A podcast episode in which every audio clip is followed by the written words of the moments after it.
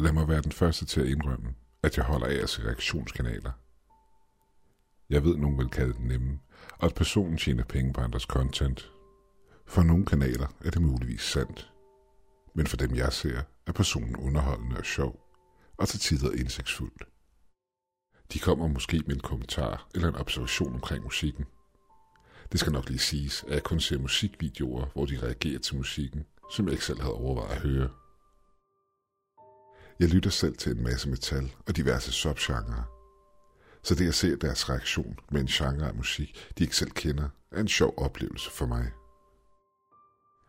Det var lige indtil jeg fik tilsendt et anonymt link til en reaktionskanal, og personen bag insisterede på, at jeg skulle tjekke den ud, og det ville være lige noget for mig. Linket blev sendt til mig via en Facebook-besked, og fra en tydeligvis fake profil. Der var ingen fotos, og intet tyde på, at profilen blev brugt. Det så ud til, at profilen var blevet skabt et par minutter før beskeden var blevet sendt. Jeg havde ikke travlt på det her tidspunkt, og trods den fake profil samt den anonyme besked, så jeg intet galt i at tjekke YouTube-linket ud. Jeg sad allerede på en VPN, så jeg var rimelig sikker på min digitale sikkerhed. Linket tog mig til en video, der kun havde én visning. Kanalens navn var et ganske almindeligt navn, og ikke et brand eller noget gamertag. For min egen sikkerheds skyld vil jeg ikke dele kanalens navn, da jeg ikke ønsker at genantænde deres interesse i mig. Jeg deler kun min historie, da jeg ikke ønsker, at de samme ting skal ske for nogen anden. Brug det her som en guide. Skulle det ske, du kommer i en lignende situation, så har du altid muligheden for at reagere på den rigtige måde. Og skulle det ske, så håber jeg, du kommer heldigere igennem, end jeg gjorde. Videoen havde titlen Reager til mit navn. Den havde mit virkelige navn i videoens titel. Min første tanke var, at det var en af mine venner eller kollegaer, der spillede mig et pus. Jeg gik ud fra, at det var en, jeg kendte, der havde sat det hele op, og blot var ude på at prank mig. Med et smil på læben trykkede jeg på play. Videoen var 15 sekunder lang, og var åbenbart optaget på en smartphone eller et håndholdt kamera. Jeg var kommet to sekunder ind i videoen, da mit hjerte sank ned i maven på mig. Det føltes som om hver en celle i min krop blev ramt af et iskoldt gys. Jeg sad med åben mund og stirrede på mit eget ansigt. Det var ikke en refleksion. Mit udseende på skærmen var markant ældre og havde rynker. Et skæg, der desperat havde brug for at blive plejet, samt indsunkne øjne.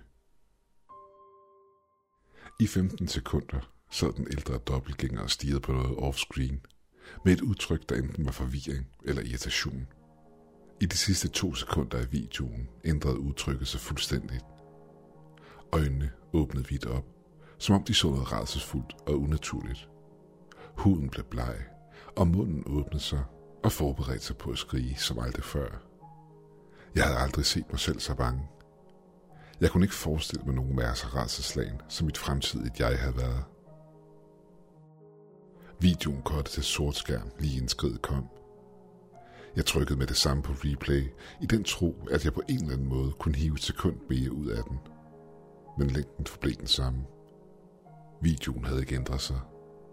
Den endte stadig på samme måde med, at mit andet jeg blev rædselslagen.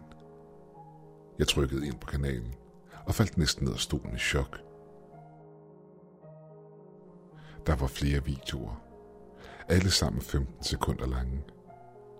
Efter at have fået styr på mine nerver, satte jeg mig til rette i stolen igen og kiggede de resterende videoer igennem. De var alle sammen det samme.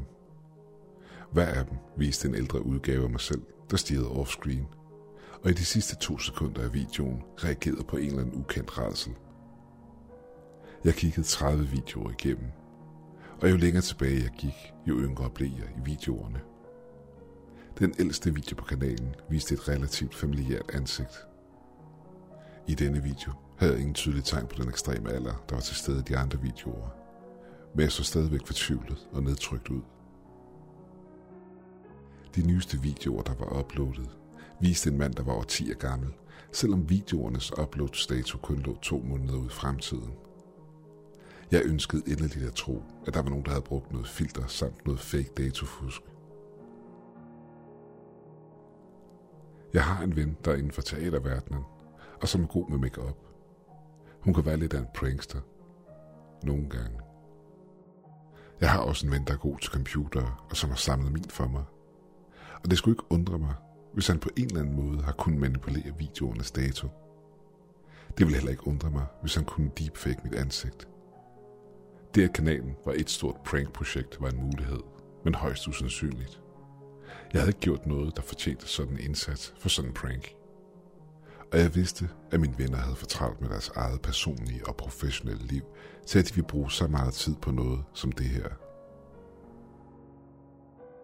Med god grund holdte disse videoer min opmærksomhed fanget resten af dagen.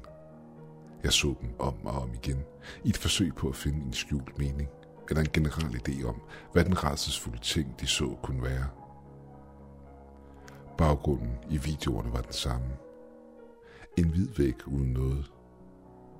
Det tøj, jeg havde på i videoerne, skiftede som det normalt ville over flere dage, og jeg genkendte hver en trøje.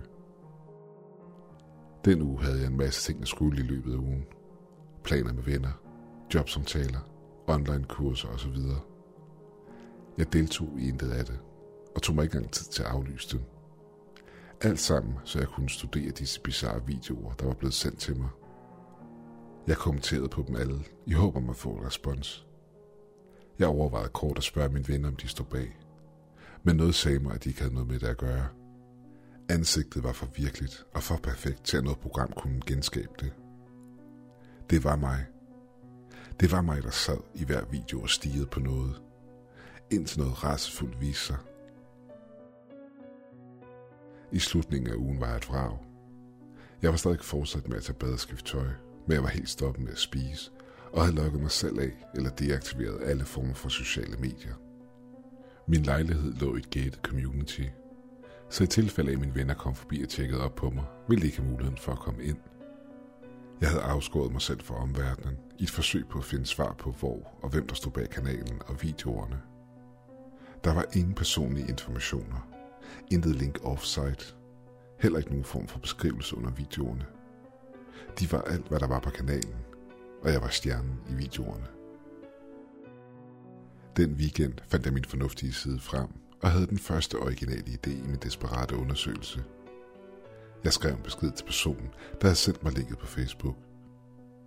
Jeg spurgte i første omgang høfligt om at få udleveret en eller anden form for information vedrørende videoerne. Da personen ikke svarede, men Facebook viste, at beskeden var læst, krævede jeg at få informationerne udleveret, ellers ville jeg involvere politiet. Som svar modtog jeg et nyt link et par minutter senere. Linket ledte mig til en video, der var blevet uploadet i tiden efter jeg havde sendt den troende besked. Den video er det mest skræmmende, jeg nogensinde har set, og den drev mig næsten til vanvid. På skærmen tonede en meget ældre udgave af mig selv frem, og som alle de andre videoer var den 15 sekunder lang, og baggrunden var den samme udekorerede hvide væg. Jeg stirrede på noget off-screen, jeg så nedslidt og træt ud. Jeg var måske i starten af mine 90'er.